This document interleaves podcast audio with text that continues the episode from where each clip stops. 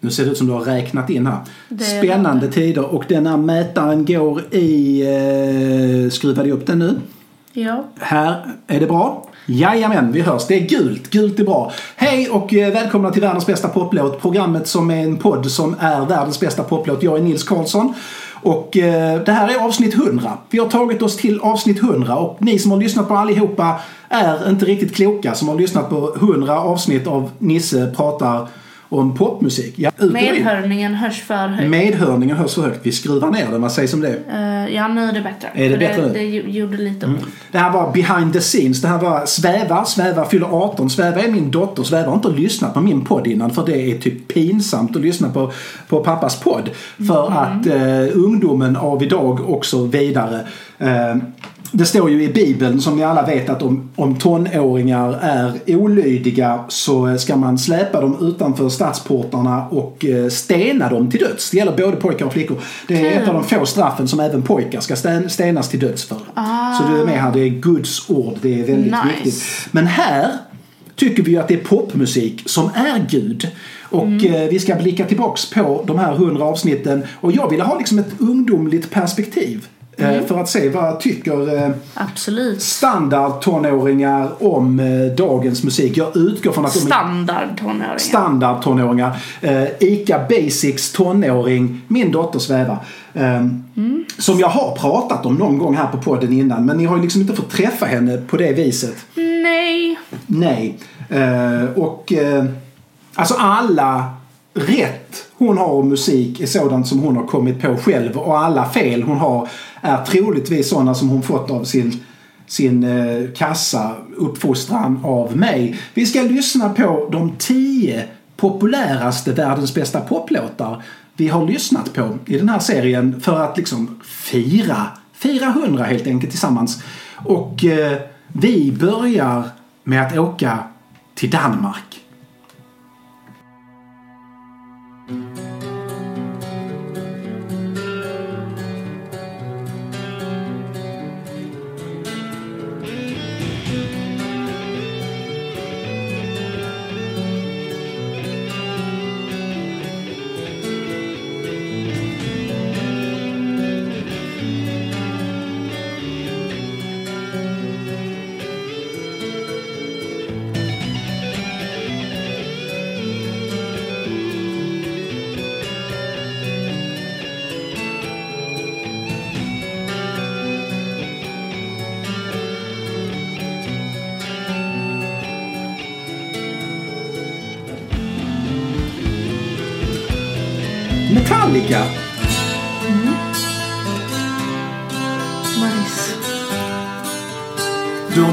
Metallica sa du. Vi gjorde en testinspelning. Det gick åt helvete på grund av satans elektronik. Men Ja. Nej, jag gillar inte Metallica. Alls.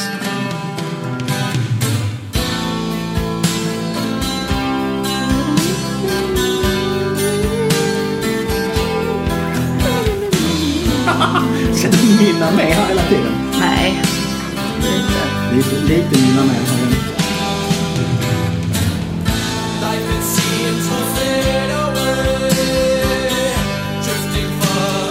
Men har du sådär lyssnat Metallica för att det var typ Stranger Things-fest och så med eh, Master of Puppets? Åh eller? herregud. Nej, jag har inte sett Stranger Things. Men det gav mig lite klåda psykiskt. Stranger Things eller Metallica? Metallica i det kontextet. Är de, är de någonting fortfarande? Alltså lyssnar ni på det? Eh, alla män i min musikklass gör det. Alla män. Alla män, ja.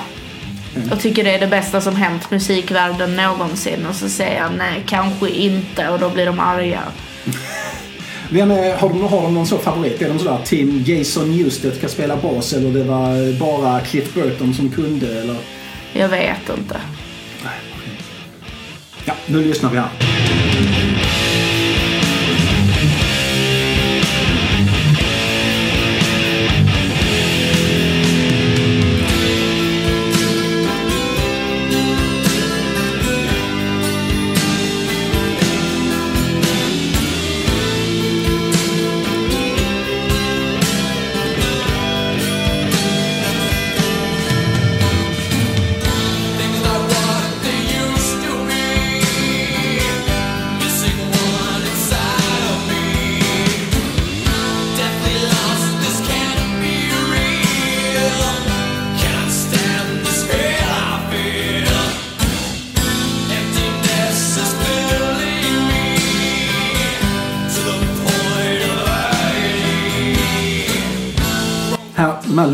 Partierna. Jag minns det ju fortfarande, för jag gick ju på... eh, jag var ju barn när det kom, men det var liksom verkligen, det var, här är de sellouts, de gör ballader, de ska ju vara hårda. Alltså jag tycker det är ganska trevligt. Jag gillar ju detta mer än resten av deras musik. Alltså även, även andra låtar. men Ja. sådär, ja. Han är en munter liten... eh, Hans röst är väldigt trevlig. Jag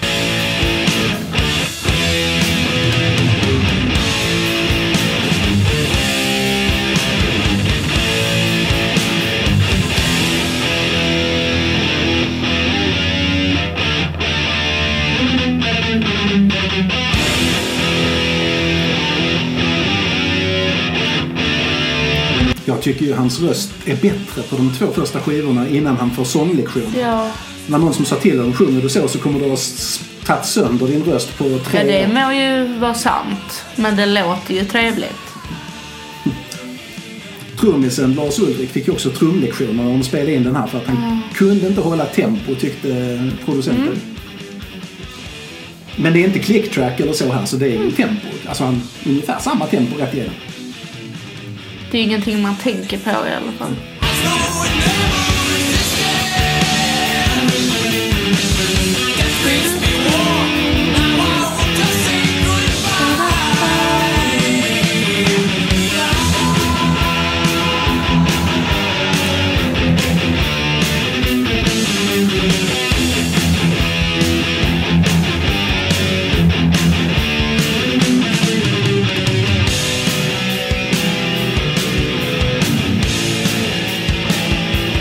Så snyggt det med de liksom dämpade strängarna. Jo, Alltså. det är jättebra faktiskt.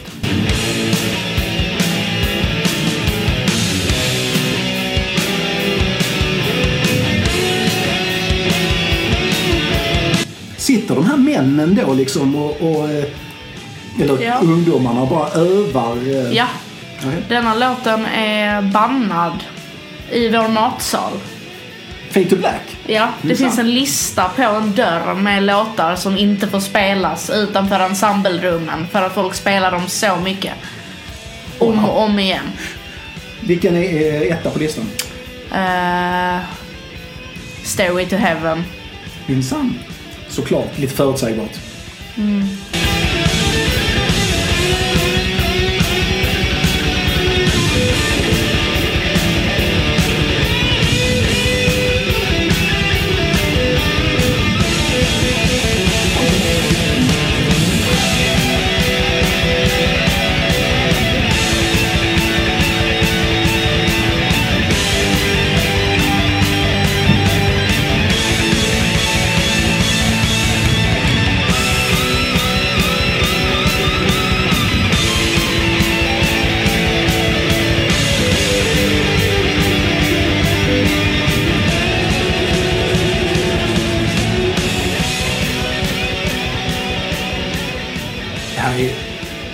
ackordföljden där de är jäkligt... Det är ju eh, Compton Dynam. Ja. Jag tycker det är Compton Dynam. Sen är ju inte eh, Hammett Gilmore. Nej. Är det bra eller dåligt? Va? Är det bra eller dåligt att inte vara Gilmore? Frågade jag. Ja, det är jättepositivt. Så Okej. länge man inte är Gilmore så är man helt okej. Okej. Tycker jag. Mm. Men jag kan också ha helt fel. Okej. Eh, stänger vi av den låten där. Det här var alltså Fate to Play. En, vilka andra låtar finns på den där listan? Eh, ja men vad är det? Men det, det är Stairway to Heaven. Och sen är det Blackbird. Blackbird! Ja, folk sitter där och jag ska spela fint på den akustiska. Ja, precis. Wish You Were Here. Där kom Gilmore. Lite grann där från sidan. Mm. Häng honom. Nej men. Nej, du behöver inte hänga Så honom. får man inte säga. Du kommer aldrig över att han inte är Syd Barrett. Det är bara Nej. så liksom. Hade det inte varit för att Syd var först så... Eh, Alltså jag har ingenting emot honom. Gilmore som Förutom att person. han ja, inte precis. är Syd. Sid Barrett. Mm. Jag tycker det är helt rimligt.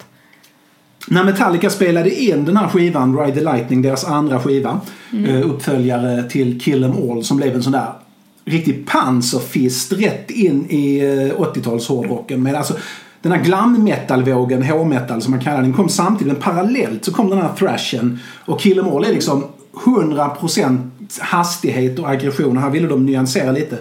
Så då, och då bestämmer de sig för att de åker till Danmark för att spela in den. Och varför väljer de Danmark? Jo, och det kanske inte hörs så mycket. För att där i den här studion har deras stora hjälte eh, Richie Blackmore spelat in deras favoritskiva av alla skivor Richie Blackmore har spelat på. Rainbows Difficult to Cure. Har de god rainbow-smak eller? vad? Det har de. Du tycker den är bra? Jag tycker de Det är... är alltså, jag- jävligt många som tycker den är jag deras tycker sämsta. allt är bra som Richie Blackmore gör. Förutom allt som inte är bra. Det är ganska piss. Det som inte är bra men det som är bra är bra. Mm, det var ju en jäkla bra hållpunkt att, eh, att, att gå efter hör du. Ja. Gitarristen Terry Kath. Och här är, de, här är liksom de tre som var Chicago eh, Eh, Robert Ham också slår till här och skriver. Ham skriver musiken, Citera gör en otrolig sångprestation skulle jag säga. Det är svårslaget hans sång. Och Terry Cath gör ett av de bästa gitarrsolorna som jag någonsin hört om jag får säga det själv. Och det får jag för det är jag som pratar. Och eh, eh Terry Cath är ju en av de här absolut mest underskattade gitarristerna i den här gitarrhjältehistorien. Han kommer liksom aldrig med på några listor över... Till och med Kirk Hammett som vi hörde innan brukar komma högre på bästa gitarrfronten. De här männen som är gitarrmän i din skola. Eh, pratar du om Terry Kath? Nej. Har du nämnt Terry Kath? Nej. Vad är fel på de här killarna? Ja, nej, jag vet inte. De... eh, Det pratar de inte om. Jag tycker det är allvarligt fel i deras huvuden. tog ganska många i min klass har en ganska, eh, inte negativ inställning till Chicago. Men det är så här, nej, vem är de? Vilka är de? Vad håller de på med? Alla andra gör bättre saker. Men, men ni håller ju på dö. med det här. Alltså, ni är ju sådana musikelever liksom. Ni ska ju lyssna på sån här musikhögskole jazz funk liksom. Det är Chicago är ju the original Ja. musikhögskole. Ja, det, det, jag gör ju det. Ja. Det gör ju inte alla andra. Nu kör vi Dumma i huvudet. 25 or 6 to 4 här. Ja, Ja. så kul.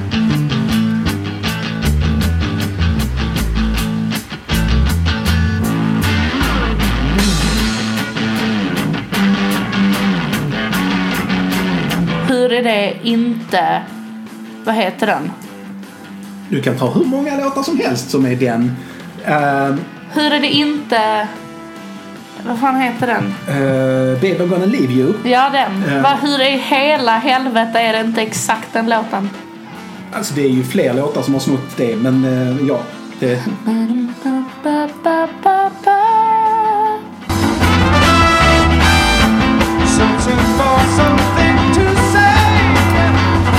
Det är ju bra sångis. visst Som kan han fan. sjunga.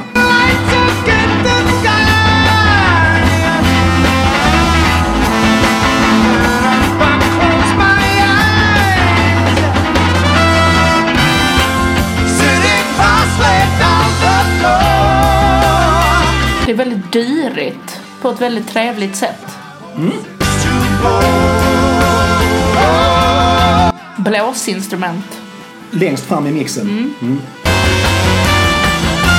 Chicago bildades ju för att de ville ge vad som de tyckte var Chicagos bästa blåssektion, ett rockband. Ja, det är bra. Jag uppskattar det.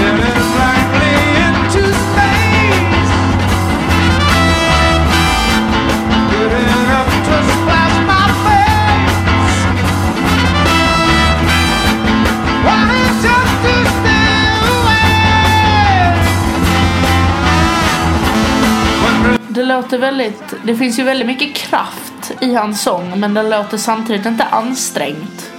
På ett väldigt nice sätt. Kan han sjunga idag? Eh, oh ja. Men han, Okej. han tog inte sånglektioner förrän typ 1980. Jag bara tänker för att om man sjunger så då så är det ju inte säkert att rösten hänger med. Nej, men hans röst, röst har hängt med.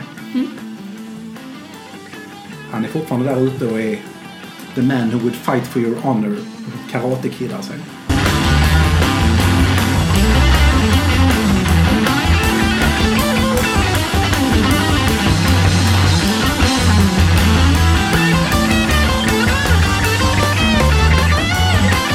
Trummisen.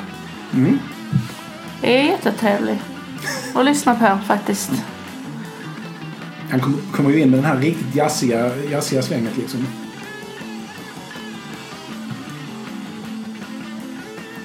Solot är ju jättebra. Ja, det är så bra. Han gör sådana val liksom som är helt Ja, out of nowhere. lite wow Ja. Tidig wow. Det är fantastiskt.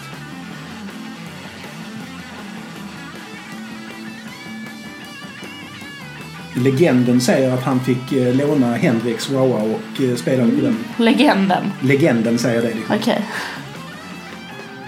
De spelade på samma ställe i eh, Los Angeles ett tag.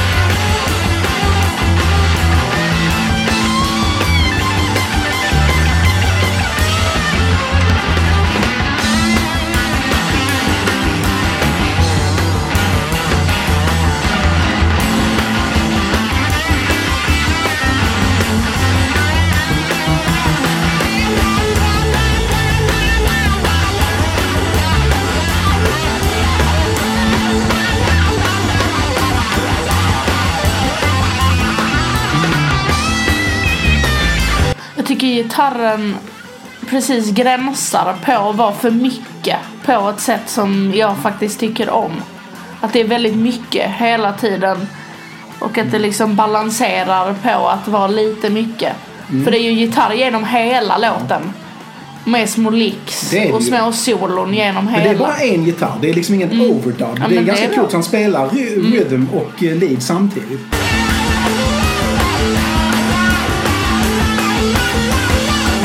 Men han kan inte hålla sig. Nej, det kan han inte. Han, Nej. Men vem kan det? Jag.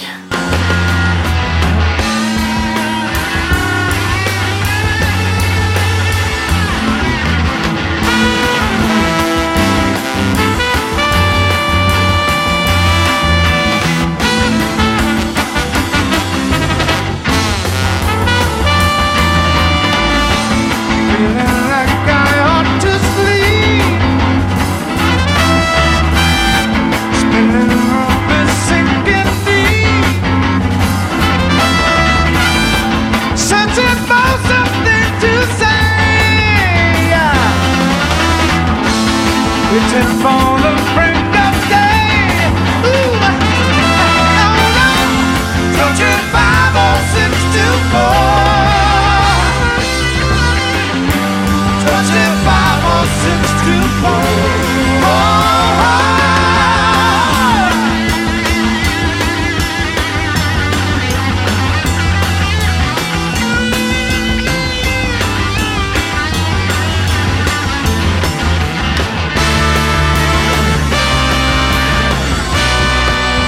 Det här kan du säkert ett fett namn på vad den här eh, ackorden och tonsättet och... Det var banger. Var det Banger? Banger. Den är riktigt, riktigt grym den låten. Den är riktigt får man säga. banger. Och, eh, och Terry Catt som sagt eh, gör sina... Det finns ju gitarrister som är sådär hyllade som faktiskt är återhållsamma och spelar samma grej varje gång som typ eh, jag heter han, Steve Lukather och liknande. Men alltså det är... Det, eh, Cath var inte sån. Han lät sig, eh, sig eh, fångas av stunden. Liksom. Han har också ett av de mest sådär tragikomiska svarta eh, som jag tycker... eh, Alltså ska man ha några sista ord så är det bra att ha sista ord som är fyllda med både tragik och humor och, och komik. Och hans sista ord var det är ingen fara, den är inte laddad. Så sant. Jag brukar också säga så. Fast du lever, det gjorde inte han. han, Ja, det finns skillnad mellan oss två. Mm, han slutade ganska prompt att leva där. Hur Eh, gammal var han? eh, oh, hur gammal var han? Var det 78 eller 79? Han kan inte ha varit gammal. 27, 28. Oj, oj, oj, oj, halva in. Sådär. Han var ju... Eh, eller så var han lite äldre, 30. Han gillade ju både att kombinera alkohol Och pistoler. pistoler och narkotika. Och gör inte det ungdomar. alltså Helt verkligen rimligt. inte. Det finns, det finns liksom... Det finns två saker du absolut inte ska göra om du är knarkare. Det ena är att skjuta. Vare sig dig själv eller andra. Och det andra är att betala för knarket med Swish. För den jäveln, det är dumt alltså. Det är, Det är riktigt, riktigt korkat. dumt. Det är nästan värre. Och eh, vad tycker du om Phil Collins? Oj. Ja. Ehm, Det är Phil okej att hata Phil Collins. Det är helt okej att hata Phil Collins. Jag gör det inte men det... Phil Mång- Collins är en sån människa som jag vet att folk håller väldigt varmt i sitt lilla hjärta. Och som folk tycker om. väldigt, väldigt, väldigt mycket. Men jag fattar verkligen inte det. Tänker du Collins som sångare då eller tänker du Collins kompositören eller Collins trummisen? Bara i allmänhet egentligen. Jag tror aldrig jag har gett Collins en chans överhuvudtaget. Okej. Han var ju överjävlig trummis alltså, verkligen. Riktigt. Den eh, Led Zeppelin Live Aid Ja. spelningen Ja. blir ju bara bra på grund av honom. Det kan jag ge honom. Men annars så bryr jag mig inte jättemycket. Det är väldigt fint att du ändå i ditt, din lilla, lilla själ kan hitta utrymme för att säga att det finns någonting bra om den där Led Zeppelin på Live Aid. Ja, ja, men det handlar ju mer om det än vad det handlar om Phil Collins. Ja, ja, det, det kan vara de sämsta versionerna av de låtarna. Å andra sidan, kanske de bästa versionerna av låtar som någonsin spelats av en troligtvis fullständigt medvetslös gitarrist. Han lyckades någorlunda. Man fattar ju vilken låt det är och man tänker lite åtminstone. Mm, knappt va. Man ser Robert Plant ser så jävla arg ut på honom. Det är Ja, så. men det får han vara. John Paul Jones står där bak och spelar bas som han alltid gör. Fullständigt obrydd. Men kanske en gnutta irritation ändå. Jo. Där och Collins ser inte ut som han har någon aning om vad han gör. Collins i alla fall. Han gick igenom en skilsmässa.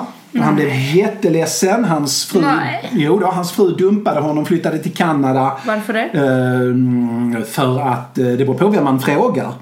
Frågar du Colin så var det jävlar i det inte hans fel i alla fall. Och han blev jätteledsen och det var otrohet och det var fanstyg. Eh, Nej. och, eh, och han eh, tänker sluta i Genesis. Och, ja, nej. och så får han, får han för sig att ja, men satan jag måste skriva låtar om detta för att jag är en deppig 33-åring som sitter här och är övergiven och jag får knappt träffa mina barn. Så han låser in sig, skriver för första gången låtar om saker han bryr sig om. I Genesis var det liksom sagor och elefanter och skit. Liksom så här. Men här var det saker han brydde sig om. Han brydde sig om sig själv. Eh, Och sin egen nattsvärta inuti. Och skrev... Emo. Han, var, han, var var, ett emo. han var emo före emo ens var en grej. Liksom. Han, var så emo, han var så emo att, eh, att han slänger undan allting. Han var en sån där happy-go-lucky kille som var rolig i intervjuer och sånt. Men han blev super-emo och släpper, eh, släpper skivan Face Value som får en jättehit med In the Air Tonight. Som... Mm. Oh, va? Inte? Jag gillar inte den låten. Ja, den, jag, jag tycker jag älskar den. Den är, den är super eh, suggestiv och det är kul när trummaskinen övergår i riktiga trummor. Eh, och, eh, men den, den, den säljs över hela världen och efter den blev Phil Collins den största stjärnan man kan tänka sig. Alltså han sålde överallt. Och en som själv gick igenom en skilsmässa var eh, Anne-Frid Lynstad. Hon var med i en popgrupp, en ganska populär popgrupp, som eh, lyckas kombinera egenheten att både ha ett museum och en comeback-skiva samtidigt, vilket är jättekonstigt. ABBA eh, höll på att splittras och de spelade in sin, vad jag tycker är helt, alltså, en helt eh, fantastiska sista skivan. Men Frida känner sig dumpad. Benny har varit otrogen. Nej. Jo, folkmusik. Benny har varit otrogen. Det framgår, framgår inte vem han varit otrogen med. Var det Kalle Moraeus? Troligen inte för Kalle Moraeus kan inte varit mer än 10, 5, 12 år. Men man vet aldrig. Men, och, och Benny, nej men vad fan det är inte, nu är jag taskig. Det är ju Björn. Det är inte det är, det är ju Björn som är pedofilen. Nej, alltså han är inte pedofil. Allt jag säger är att Does Your Mother Know är en äcklig låt om en man som flörtar med en tjej som mm, det kan vara äldre än 13-14. Men om vi struntar... Ja, det är sus. Om vi struntar i Björn Ulvaeus perversioner, glömmer att han skriver låtar om, eh, som hånar eh, transkvinnor och eh, dvärgar. Utan bara går rätt in i att ABBA går sönder och eh, Frida står där ensam och hennes enda tröst i det här mörkret är Phil Collins. Okej? Du hänger med? Ja, så Phil Collins eh, skiva Face Value går runt, runt, runt på hennes skivspelare och hon har snygg, bra skivspelare säkert. Hon har pengar liksom och så.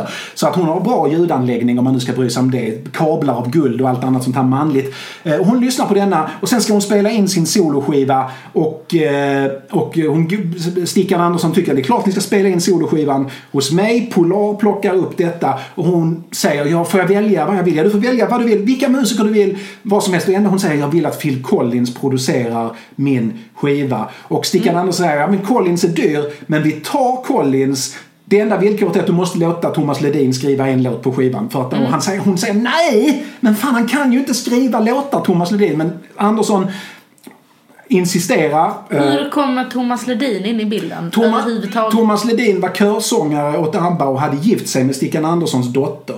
Eh, Aha, och han, han, har vill, faktiskt relevans på riktigt. han har relevans på riktigt Ah, och han okej. skulle ju satsa på en internationell karriär. Just nu.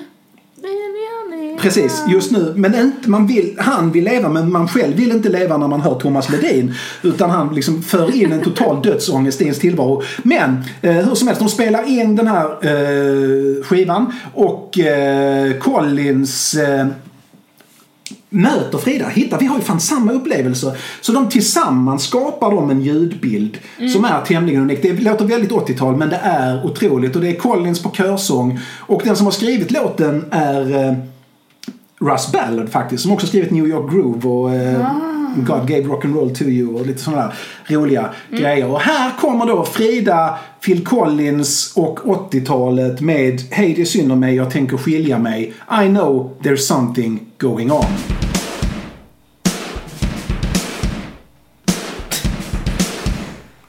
Du skrattar? What? See it must have been love. Det är det? Början. Då är det fan ett jag det? tänkte på. Ska jag gästa och slå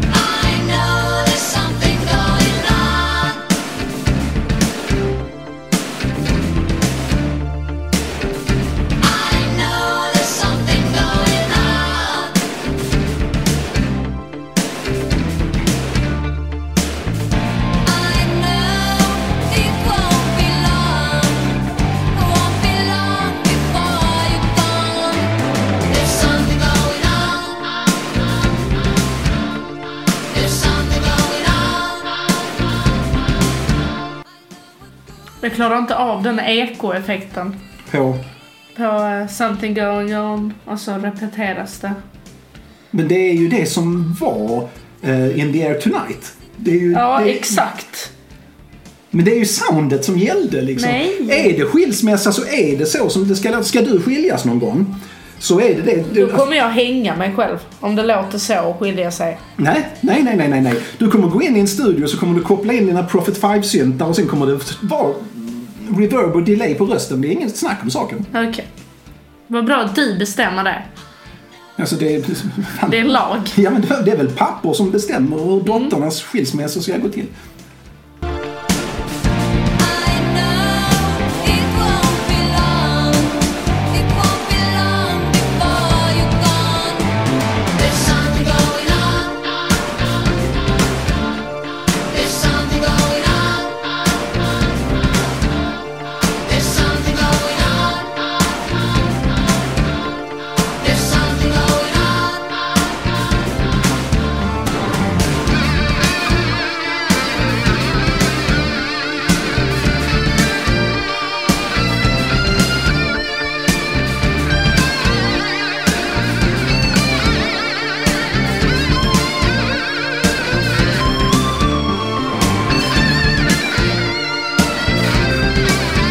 Vem spelar gitarr? Daryl Sturmer. Vem? Daryl Sturmer, han har eh, en kompis till Phil Collins som eh, sen har spelat även med eh, Genesis på scen och så. Okej. Ehm, han är raka motsatsen till... Han är jävligt duktig men han är också... Han är inte Terry Kath på något sätt. Han är jättekontrollerad Sturmer. Här har de på bild. Han såg snäll ut.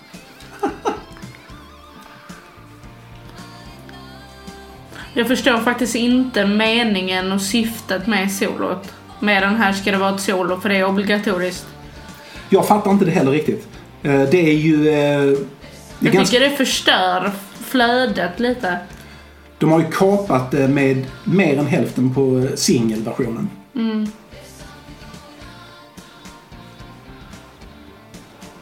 Ja, man tappar tempo. Ja. Det är inte, inte alls... Det är bra i sig alltså så, men Ja. det är inte någonting som den vinner på.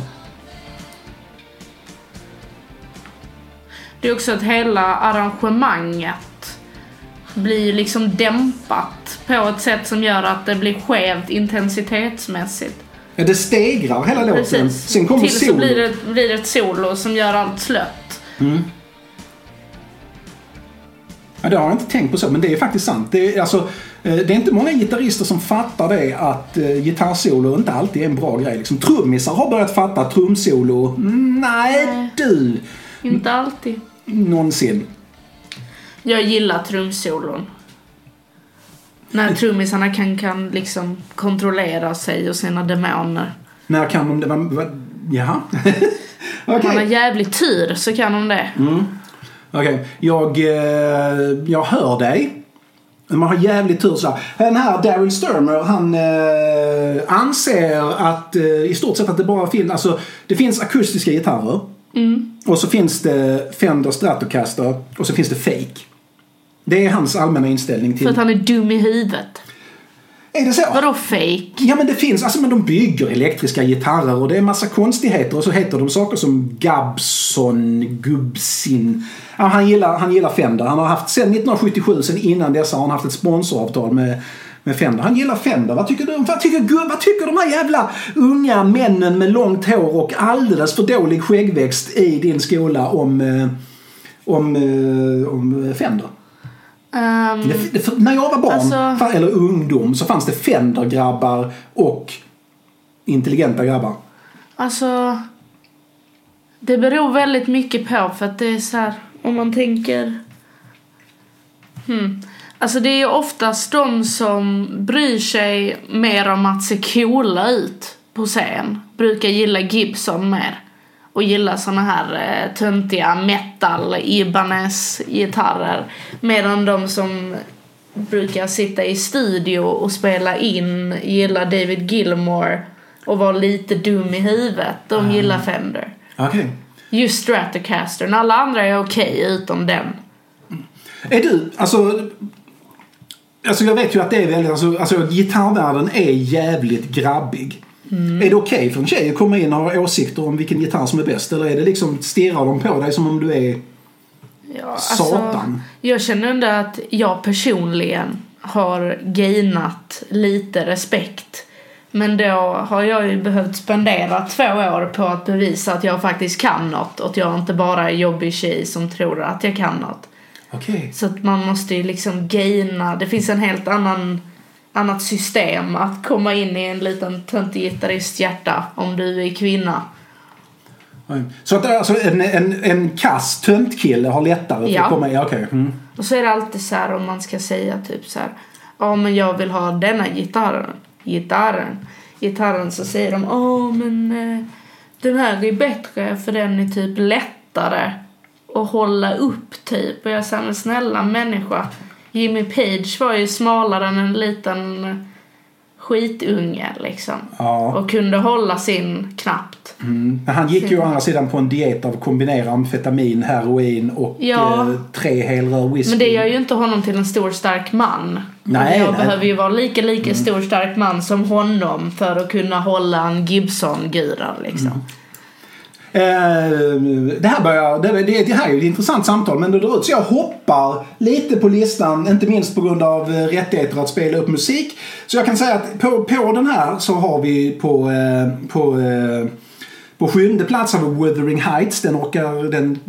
Jag vet inte. Pappa. Jag tycker om den. Är det någonting? Den är bra. Jag tycker den är... eh, jag tycker den är bra. Nej. Eh, Ingen favoritlåt, men den, jag lyssnar ändå på den. Det är så här spellistelåt. Yes, femte plats så har vi Onkel Konkels julklassiker. Jag sög pappa... Jag måste läsa för rätt här. Man lätt säga sug. Jag sög tomten suga pappa. Är det något du lyssnar på? Nej, Den är fantastisk. Den är säkert. säkert fantastisk. Eh, sen har vi Smoke on the Water. Den, eh, det avsnittet handlar mest om Frank Zappa och vad som ledde fram till Eldsvågen. Frank Zappa är bra. Vad är favoriten med Zappa? Lyssnar ni fortfarande på Zappa alltså? Ja, Ja. alltså Eller är det bara du? den, det är nog bara jag. Okej. Jag är lite utnischad. Eh, på Vi- grund av dig. Okej, tack så Mycket. Mm. Men eh, den... eh, När han pratar om Muffin Man. Ja. Muffin Man, nej, nej, nej, nej. Vilken är det? Är det Overnight Sensation? Vilken eller? Jag vet inte, det är någon liveinspelning Okej. tror jag. Det jag lyssnar på framförallt. Men det är kul. Det är lite så här mystiskt. Lite fräsigt. Mystiskt. Vi tar, eh, eh, vi tar topp tre nu. Det här Mm. hoppar, precis som den här podden, hoppar fram och tillbaka. Och nästa säsong, alltså från och med nästa avsnitt, så ska vi diskutera live-låtar och live-versioner. Och de fall då live kan bli bättre än o-live. Eh, eh, tycker du, vad tycker du om liveinspelning? Du pratade precis om liveinspelningar. Är det Eh. oftast skit eller är det gött? Alltså jag tycker att jag lyssnar nog ganska mycket oftare på studioinspelningarna. Eh, Men sen är det ju klart ur ett jag är artist själv och tar inspiration av andra artister, artister Artister. eh, perspektiv så tittar jag ju på live performances.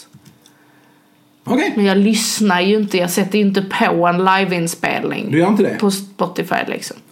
Jag vet ju, vi kommer att återkomma till dem så småningom, men jag vet ju att du, du lyssnar en del på Kiss. Ja, Och Kiss anses ju, alltså deras bästa skiva ska man tycka är deras första liveskiva, Alive. Ehm, jag tycker ju att de är bättre i studio, men det, man ska liksom tycka det. Finns det någon som är sådär, jag försöker tänka om det är ehm, om man pratar Blackmore så är ju eh, Difficult to Cure-låten, Difficult to Cure är ju bättre på Final Vinyl-liven, men annars så, Ja. jag kan inte komma på någon jag försöker tänka. Neil Diamonds Holy Holy har vi gjort ett avsnitt av. Den är otrolig live men inte bra i studio. Live. Annars så vet jag inte riktigt. Opus Live is Life, men den är ju fusk-live. Det är bara helt fusk rätt igenom. Men de eh, menade väl. Nu så ska du få höra en, eh, en annan gitarrist som är två fantastiska gitarrister faktiskt. Som gör satans gitarr, men en lite annan gitarrstil än man är van med. Men det är s- grym gitarr. Och det här är eh, det tredje mest spelade avsnittet av alla mina avsnitt. Eh, eh, Dolly Parton, Jolene. Är du redo? Nu Nej. kör vi.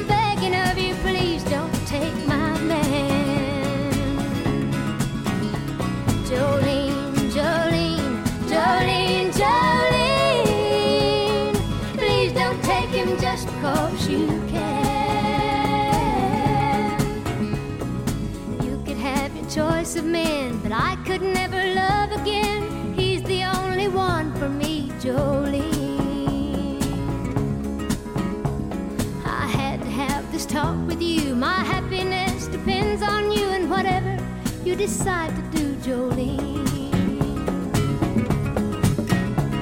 Jolene, Jolene, Jolene, Jolene. Alltså det här gitarrspelet. Det är väldigt bra. Det jag tycker är bra. Det tycker du är bra. Eh, hon är ung men ändå varit med i gamet länge för hon började som typ 14-åring. Eh, och eh, bestämmer sig för att eh, hon är med i ett sånt tv-program och bestämmer sig för att sluta och satsa på att bli en artist i egen rätt. Och för att liksom... Och Jolene är inspirerad av en... Av en, egentligen en bankkassörska som, som hennes man han hittade nya anledningar att gå in på banken hela tiden och stanna länge och prata om lån och sådär. Liksom, så som hon eh, liksom kanaliserade sin svartsjuka. Och så samma dag som hon skrev denna skrev hon också I will always love you. Så det var ju kanske en, en produktiv, produktiv dag. Så. Eh, I det här programmet, eller det här avsnittet som jag gjorde det pratar jag om inte så mycket om själva låten även om jag kommer in på den såklart. Men eh, huvudtemat är det här om man har ansvar för någon annans lycka. Och du har ju, texten har du säkert hört till leda hur många gånger som helst. Ehm, men här är det ju liksom en, en kvinna ber en snygg tjej att sluta flörta med hennes man för att eh, han kommer lämna henne och, och Jolene kan få vilken karl hon vill. Så att varför ska hon just på hennes man? Har man ansvar för det? Alltså... Vad menar du? Alltså ansvar att säga till? Nej men så här. Eller ansvar som den andra tjejen? Att... Ja, alltså har Jolene något ansvar för att göra Dolly Parton glad? Här. Alltså... Inte egentligen, tycker inte jag. Alltså det, det, det beror ju väldigt mycket på vem det är. Om det är någon random hon inte känner så tycker jag ju så här. Jag kan ju tycka som tjej som har tjejkompisar som ligger med andra tjejkompisars vänner Ja. och partners att det är ganska oskönt. Men det är ju samtidigt inte så jag skulle ju klandra honom för det mer än henne. Ja, han, men han är ju uppenbart en idiot i detta. Ja. Men han har ju ingen roll i det. Det som jag tycker är fint med den här låten är att det här är någonting kvinnor emellan. Mannen, Ja. mannen är idiot. Han, han, han har ingen vilja, han har ingen Ja. motståndskraft, han har ingenting liksom. Utan det här är ju en tjej som ber en annan tjej om en tjänst. Liksom. Ja, och jag tycker absolut att ett samtal är väl bra att ha. Och jag tycker att Dolly här har all rätt i hela världen att säga och prata med henne.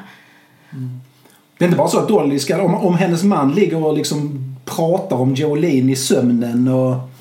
Jag hade ju inte tagit det. Jag hade ju gått och pratat med människan och sagt att jo, jag hoppas att du vet att jag är tillsammans med denna människan och jag reagerar negativt på det. Och sen tycker jag ju vad Jolene då bestämmer sig för att fortsätta göra det i sig speglar ju lite vem hon är och vad hon prioriterar. Det är sant. Jag... Vi vet ju inte vem Jolene är. Allt vi Nej. har är, är Dollys bild av Jolene. Precis. Liksom. Eh, Det, det har jag inte tänkt på riktigt. För Jolene är ju liksom en mytisk... eh, Dolly, Dolly tycker ju hon är det snyggaste och vackraste som finns och Ja. hon inte kan, kan konkurrera med. Men uh, Jolene kan kanske också gå omkring med massa osäkerheter. Ja, det måste vara jättejobbigt. Det slutade väl i alla fall. Dolly är fortfarande gift med samma man. Och eh, han slutade gå på banken. Han eh, lever ett glatt liv i, i... Hon är kändisen. Han har sitt asfaltföretag. Som han har drivit sedan 60-talet och nu har han gått i pension. Men... Eh, Coolt. Eh, eh, herr, herr Parton kan man alltså vända sig till om man vill ha någon eh, garageuppgång asfalterad eller någonting. Mm, men det ska jag komma ihåg. Jo, så här. Jag hoppade över avsnitt, eh, det, fjärde mest populära avsnittet för att den låten finns helt enkelt inte att tillgå på eh, någon sån här strömningstjänst. Eh, och, och det är spelmusiken till Commodore 64-spelet Commando som Martin Galway gjorde. Nej, eller vad fan är det Hubbard som gjorde den för? Det är Hubbard som gjorde, nu blandar jag ihop det, ni kommer döda mig. Men det är Rob Hubbard som gjorde musiken till Commando. Ett fantastiskt dataspel, fantastisk musik. Otrolig och Commodore 64 är du tittar på mig som jag är en idiot. Commodore 64 är det bästa musikinstrumentet som någonsin gjort. Det är en trekanalig synt. Eh, och, eh, och man, man programmerar den, man spelar inte på den men den låter som inget annat. Det är alltså en analog synt som styrs digitalt. Från 1982 kom SID-chippet egentligen. Coolt. Coolt ja, eh, för oss som... eh, Ja, det, det låter bra helt enkelt. Så här, eh, nästa låt är Forever Young, Alphavilles klassiker. Den spelas väldigt mycket på skolan. Gör den? Faktiskt. Varför det? Jag vet inte, folk sätter sig och spelar dem i så här pianorum och så samlas det fler och fler som ska sjunga stämsång typ. Vad roligt. Ja. Roligt att den lever. Den är ju egentligen tänkt att vara kommunistpropaganda. Den är skriven av ett kommunistiskt kollektiv i Västberlin som hade ett hus som kunde titta över muren. Och så, var de, och så såg de över muren mot Östberlin och så längtade de efter kommunismens frihet. Och då skrev de några låtar där, eh, Big in Japan, Sounds like a Melody och Forever Young som handlade om drömmen om den härliga kommunismen. Och, eh, och sen, Rimligt. Mm. Och sen så blev de, de som då blev Alphaville, de blev, eh, de blev populära i det här kollektivet för det var deras konserter och DJ-sets, det här är 82-83, som drog publik som sen donerade pengar till kollektivet så de kunde byta fönsterrutor och sånt och måla om.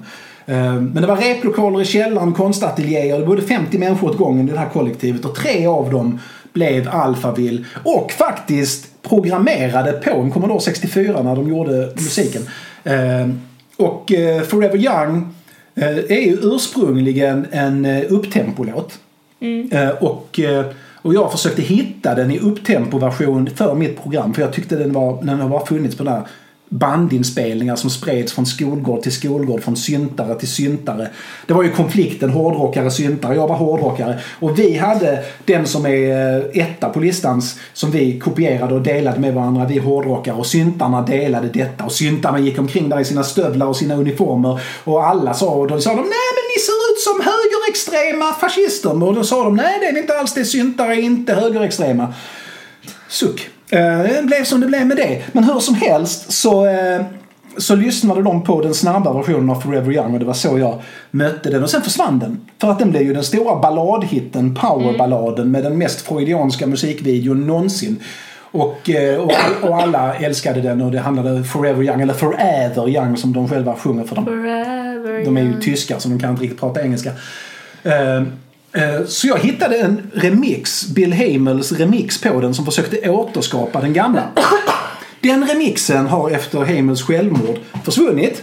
Så den kan vi inte lyssna på. Men! Alphaville i sin otroliga visdom har släppt eh, den snabba versionen själva igen på deras 41 låtar långa återsläpp på eh, på eh, Forever Young-skivan. Och eh, jag har mycket att säga om det här med att gamla artister släpper 41 låtar långa vinylboxar och liknande för att eh, folk ska försöka återuppleva sin ungdom. Men här kommer den, Forever Young i sin ursprungliga version. Jag vet inte om du har hört den innan, men här är den.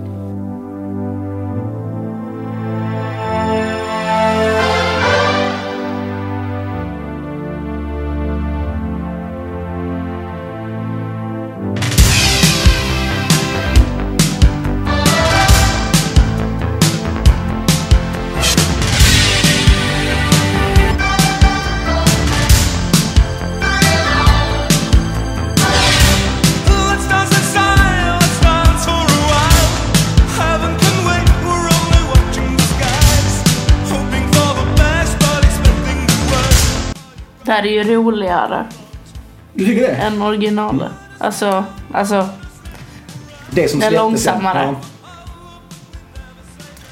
De tyckte det inte lossnade, de tyckte det fattades någonting. Eh, Och sen så och då satt, tog de bort hela låten. satt han Frank Mertens och tog bort instrument efter instrument på mixen tills de bara hade syntmattan och rösten kvar. Och så... Det är små 16 delar. Alltså de bara halverade allting. Så att det som är sextondelar blev åttondelar, åttondelarna blev fjärdedelar och så, så det blev liksom långsammare trumkomposition. Det ger lite så här, träningsmontage. Oh ja, det är Rocky 4 detta. Rocky ska möta Drago. Det Ja. är tredje gången det är hopklippta bilder på när han springer i Ryssland och eh, lyfter stockar. Och... Det här är ju skrivet under kalla kriget också. Så det här, det här är ju liksom spänningen mellan öst och väst och are, you gonna, are they gonna drop the bomb or not var ju inte något som folk bara funderade på utan det var ju faktiskt snart kommer bomberna. Sen blir Ryssland snälla, så som vi älskar dem. Mm. Heja Putin, inte.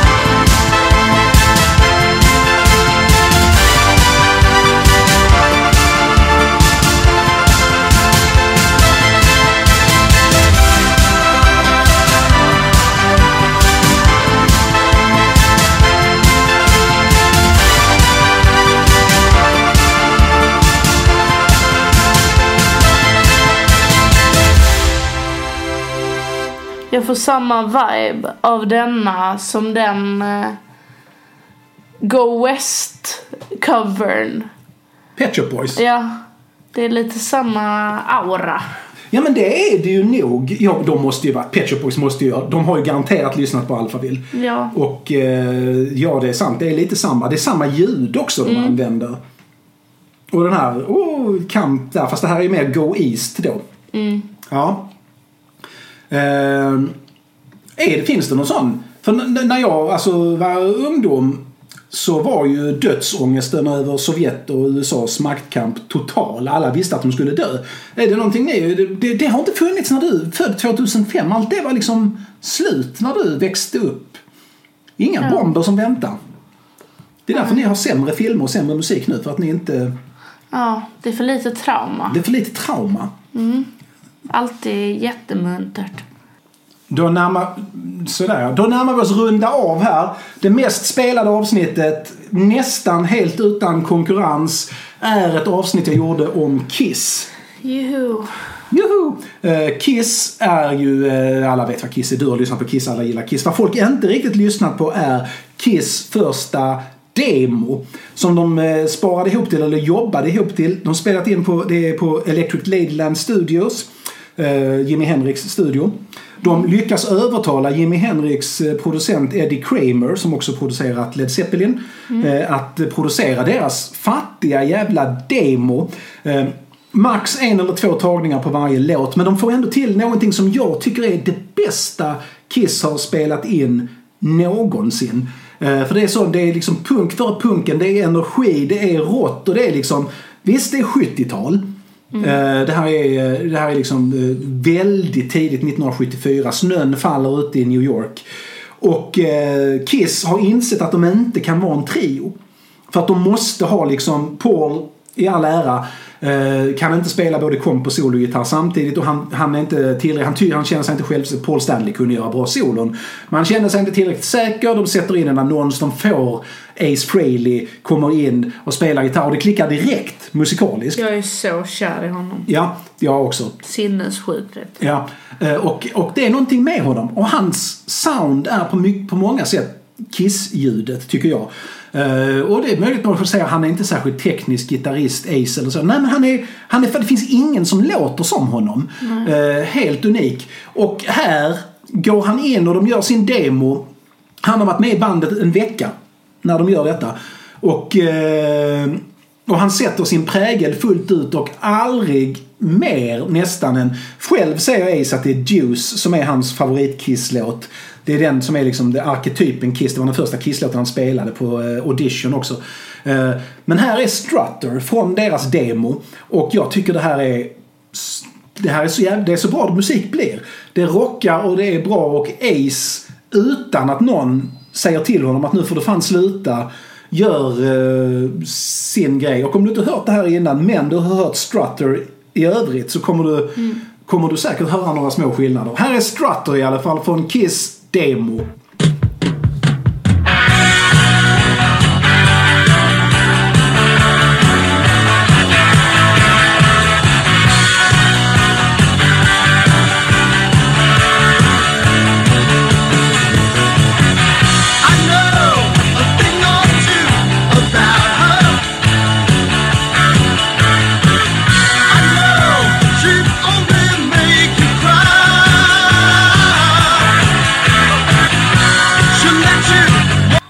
Tycker var och en står ut mer i denna inspelningen. En på eh, studioversionen. Ja. ja. Att liksom vad de är bra på kommer fram bättre.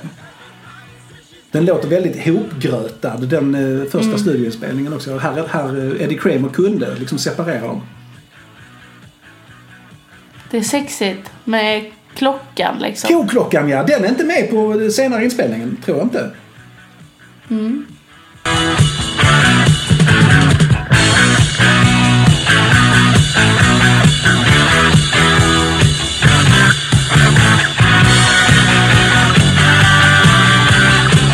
Det är symboler Jaha. på ett inte överflödigt vis. Ja. De, de, de låter det ta mer tid här. Det kanske är så. Du tyckte gitarrsolot innan på I know there's something going on var lite för långt. Här är det lite transportsträck. She gets just like a child. You take her home and she says, baby. She brings you down and drives you wild. Everybody says she's looking good. And the lady knows it's understood. Shut up! Vilka roliga stämmor. Ja. Alltså Paul och Gene satt ju i ett, ett år och övade stämmor för de ville låta Beatles. Som man vill.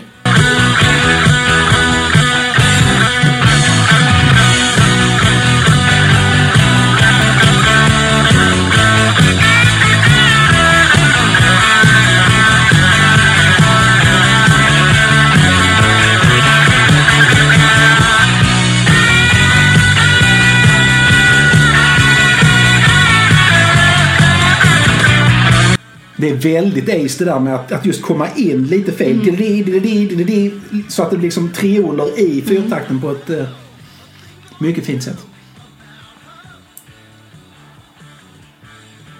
Det är väldigt simpelt solo. Ja, På ett trevligt vis. men det behöver inte vara så jävla avancerat liksom. Det kan dina jävla gitarrkillar sitta med ett eh, oh, jag är så snabb och jag är så bra. Nej men det är ace för fan.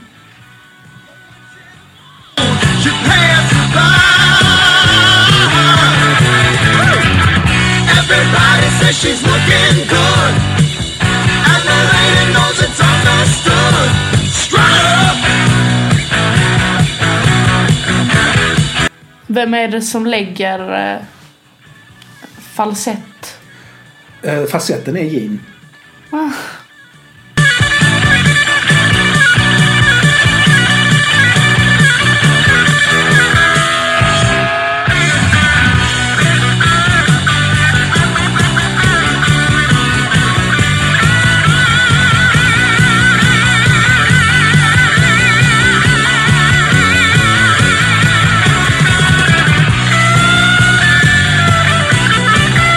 Gene. kul också. Det är glädje i den här musiken. Det är ju levande. Det här är motsatsen till fejt och oglädje liksom.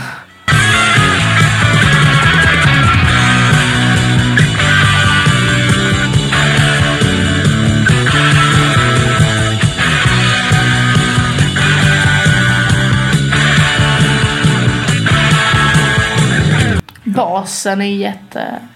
Alltså Gene Awesome. Simmons han säger alltid i intervjuer att han inte är särskilt bra basist och han pratar inte om sin, sin baseri. Men han spelar kul melodiska grejer liksom. Det svänger.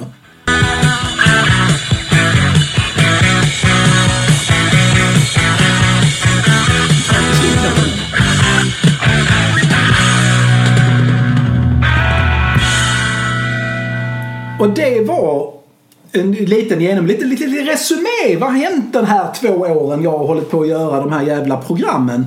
Eh, avsnitten, poetiska utsvävningarna och så vidare. Och det, eh, jag ville bara ha ett litet annat perspektiv. Det här är ett överkursprogram. Nästa vecka återkommer vi med ordinarie utbud och det här kommer inte på tentan eller någonting överhuvudtaget liksom. Men eh, eh, vad ska man lyssna på nu för tiden? Om du, skulle, om du, jag vet att du är mycket into classic rock och classic synt och eh, dessutom har du börjat lyssna på av någon jävla anledning som jag kanske kommer förstå 50 och 60-tals jazz. Men om man skulle lyssna på någonting som görs... Det är bra. Ja, det är bra säger du ja. Det är bra. Ja. Eh, om man skulle lyssna på någonting som har gjorts 2023, vad skulle det vara då? Åh herregud.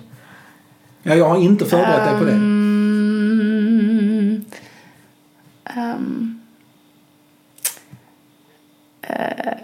Om du inte säger något så slår vi fast att modern musik är skit.